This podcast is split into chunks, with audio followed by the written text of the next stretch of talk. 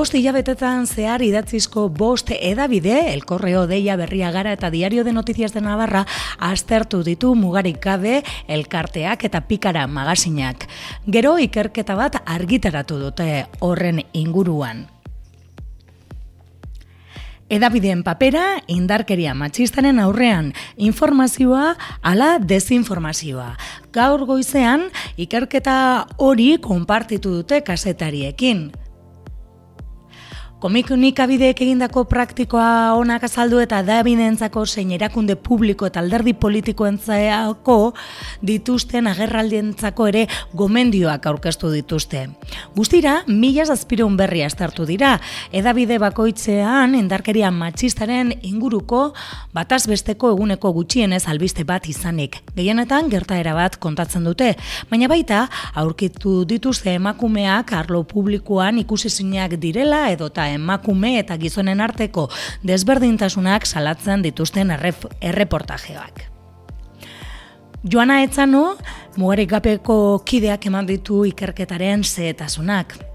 E, bueno, gai, gaia, oza, lan hau, e, ba, interes puntu desberdinetatik landu genuen, eta genituen galderak edo zela, e, honi aurre egiteko zen, zein da erakundeen diskurtsoa, zein da jendartaren diskurtsoa, e, zein derkria mota hitz egiten da eta zeintzu dira ikuste zinak, e, edabidek e, mitoak sustatzen dituzte edo bez, e, edabideen informazioa baliagarria da egoera e, indarkeria matxisten e, egoera similarrak edo e, bizitzen dituzten beste emakume batzuentzako, e, terminologia egokia erabiltzen da, edo, bueno, zin terminologia erabiltzen da, eta gauza bat, ai, mi esker, e, beste gauza bat ere, e, edo, askori harreta jarri dioguna da, e, egiturazko gauza bezala tratatzen da, edo egitatesteatz bat e, bezala.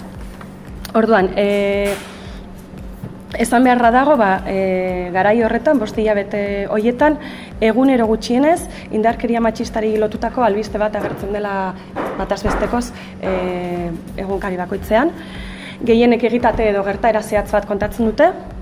E, indarkeria salatzen duten erreportajeak ere bai e, agertzen dira edo emakumeak ikustezinak direla salatzen dituztenak edo e, emakumeen e, egoera edo desberdina edo desoreka gizon eta emakumeen arteko desorekak salatzen dituzten erreportajeak ere baina horiek utxiengoa dira. Vale? Gehiengo gehiengoenak e, gertaera zehatz bat tratatzen dute. Eta bueno, e, e, dosierra zakonagoa da, baina nahi ditu aipatu ba, ondorio batzuk, ez? Bueno, lehenengo ondorioa da edabidearen konpromisoari buruz. E, edabide, orain zertan esan dudan bezala, gehienek egitate zehatz bat e, e, bakarrik edo albistea horri, horri lotuta dago. Ulertzen dugu, ba, reportaje sakonagoak edo egiten dituzten edabideek, ba, bai, ba, beste konpromiso bat hartzen dutela gaiaren inguruan, ez? E, jakiteko ba, erreportaje hoi albiste zehatz bat e, aztertzen dutenak edo e, ia uneko berrogeita marra dira.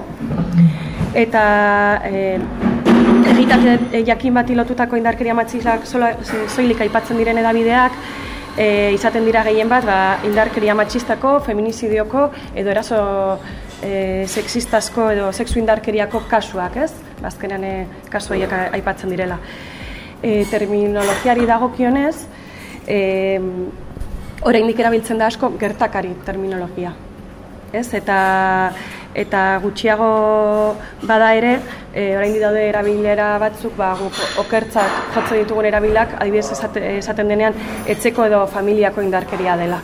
Ez? E, e, feminizidio terminoa bakarrik erabiltzen da emakumeen e, erailketan kasuen oso oso momentu gutxitan. Ez apenas erabiltzen feminizideo terminologia. Vale? Eta gero, e, deigarria egin da, e, egin zaigu, e, bullying terminologia oso barneratuta dagoela bai Davidetan, asko erabiltzen dela, baina e, terminologia horreri ezaiola e, egiturazko kausen analisia egiten. Azkenean, bueno, bullyinga e, eskola jasarpena da, baina askotan e, hori aztertuz gero, kasu, e, kasu batzuetan bada e, lesfobia, transfobia edo horrelako kasu bat. Ez bakarrik e, gertatutako lekuari egokituta, ez bakarrik eskolan gertatutako gaitik edo eskola inguruko e, eskolakidek eginda gaitik, ez? Eta orduan ikusten dugu bulina, e, lasai, e, bulina barneratuta dagoela, baina ez, e, askotan ez zaiola e, zakontzen e, egoera e, kausari, ez? Eta, bueno, hori bebai, ba, ba, igual aurrera pausu bat ematea ba, garrantzitsua edo interesgarria litzake. Gero, e, egunkarien eskainetako espazioari dagokionez, e, gehienetan albiste labur gisa gertzen da, ez? E, zutabe bat edo labur gisa. Eta gero, e, kontsultatutako iturriei harreta jartzen badiogu, bueno, esan beharra da, e, gehiengoetan e, iturri formalak e, erabiltzen direla e, ba, bueno, ba, dokumentatzeko edo, ez? Guk iturri formaltzat e, izendatu ditugu edo aztertu ditugu mugimendu feminista, erakunde publikoak, alderdi politikoak, eragile edo, bueno, poliziadak eta judizialak, berdintasun adituak eta eragile sozialak edo berdintasun teknikariak ere. Zer gertatzen da, ba, bueno, formal hauetatik gehien gehiengoa e, direla iturri polizialak edo iturri judizialak e, are gehiago iturri hauek askotan dira e, albistea zorrarazten dutena, ez? Ba, e, atxiloketa bat egon delako edo, edo aurrera epaiketa bat eramaten ari delako. E, mugimendu feminista edo berdintasun adituei edo begiratzen badiogu ia zenbatetan agertzen diren e, edo berdintasun erakundeak e, ba begira, e, gehi, euneko bi eta euneko hiru tartean agertzen da hiru edabidetan, aztertutako hiru edabidetan, eta gehien gehien agertzen den edabidean, euneko ameseia da. Osea, presentzia oso eskasa dute, oso bueno, simbolikoa. Gero, e, esan beharra dago bebai, iturri formalak edo deritzogunak, guk izendatu ditugunak, erabiltzen badira ere, e, iturri hauek ez dutela testu ingurura edo, edo egiturazko kausetara jotzen ba, azkenean e, ez da erreza ulertzea, e, irakurrita notiziak edo bueno, berriak irakurrita, ez da, ez da ulertzea, testu ingurua ulertzea ez da erreza. Edo ez daukazu zertan ulertu behar, ez? E, ulertze ez digu laguntzen. Eta, bueno, gero iturri informalak e, gutxiago erabiltzen da, baina hala ere, e, bueno, nabarmendu nahi dugu, ba, euneko iruta martartean e, erabiltzen jarraitzen dela eta hauek izate iturri informalak, izaten dira edo lekukoak, edo emakume biktimaren zenideak, edo batzutan ba, bai e, biktimario edo erasotzailearen e, ingurukoak. Honek zer suposatzen du, ba, e, iturri hauek erabiltzen direnen askotan e, mitoak indartzen direla, e, ba, agertzen direlako bueno, komentarioak ezaerak edo, edo testu inguruak esaten duen, testu inguruan dauden pertsonak edo momentuan dauden pertsonak esaten dutena, ba, batzutan ez zela espero, edo bapateko zoramena izan duela, edo mutiko arrunta zela, edo e, ba, batzutan jartzen dabe bai e, ardura edo erantzunkizuna emakumearen gan. Ba, zalaketari jarri ez duelako, edo horrelakoak ez, azkenean. Gero, e, Ezan bezala, euneko, bi eta, mm, euneko bian ematen zaio erasotzailaren ingurukoari ahotza. Honek zer suposatzen du? Ba, indarkeria justifikatuko ditu emesuak zabalduko direla, askotan. Ze bere ingurukoak, erasotzailearen ingurukoak askotan igual justifikatuko dute hau, ez? Eta e, ardura ba, emakumearen gan jartzen da. E, mitoen presentziari buruz hitz egiten badugu, e, orokorrean ez dago mito askorik, bueno, zorionez e, lan honetan e, asko bueno, aurreratu egin da, baina uste dugu oraindik e, gehiago aurreratu behar dela, ze noiz edo noiz e, bebai e, jarraitzen dira mito batzuk e, agertzen, ba, batik bat e, bai e, etorkinak e, direla esaterako, eta edo ez dira agertzen beste faktore batzuk emakumearen egoeran beste faktore batzuk, baina bai ba etorkina diren edo ez.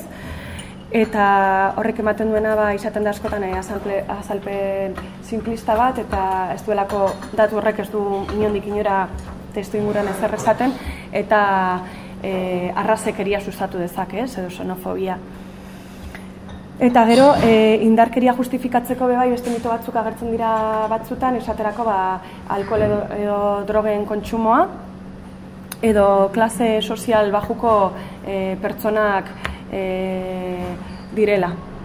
Horrek bebai, ba, mito horrek e, bebai e, zorradazten du ba, e, imaginario bat edo buruan ba, indarkeria bakarri gertatzen direla, ba, beste etorki, beste herri bat batzuetan jaio diren pertsonek e, bakarrik jaso edo eragiten dutela edo klase bajuko pertsonen e, testu inguruan gehiago gertatzen dela, ez? Eta mito horiek orainik hortze jarraitzen dute noiz edo noiz.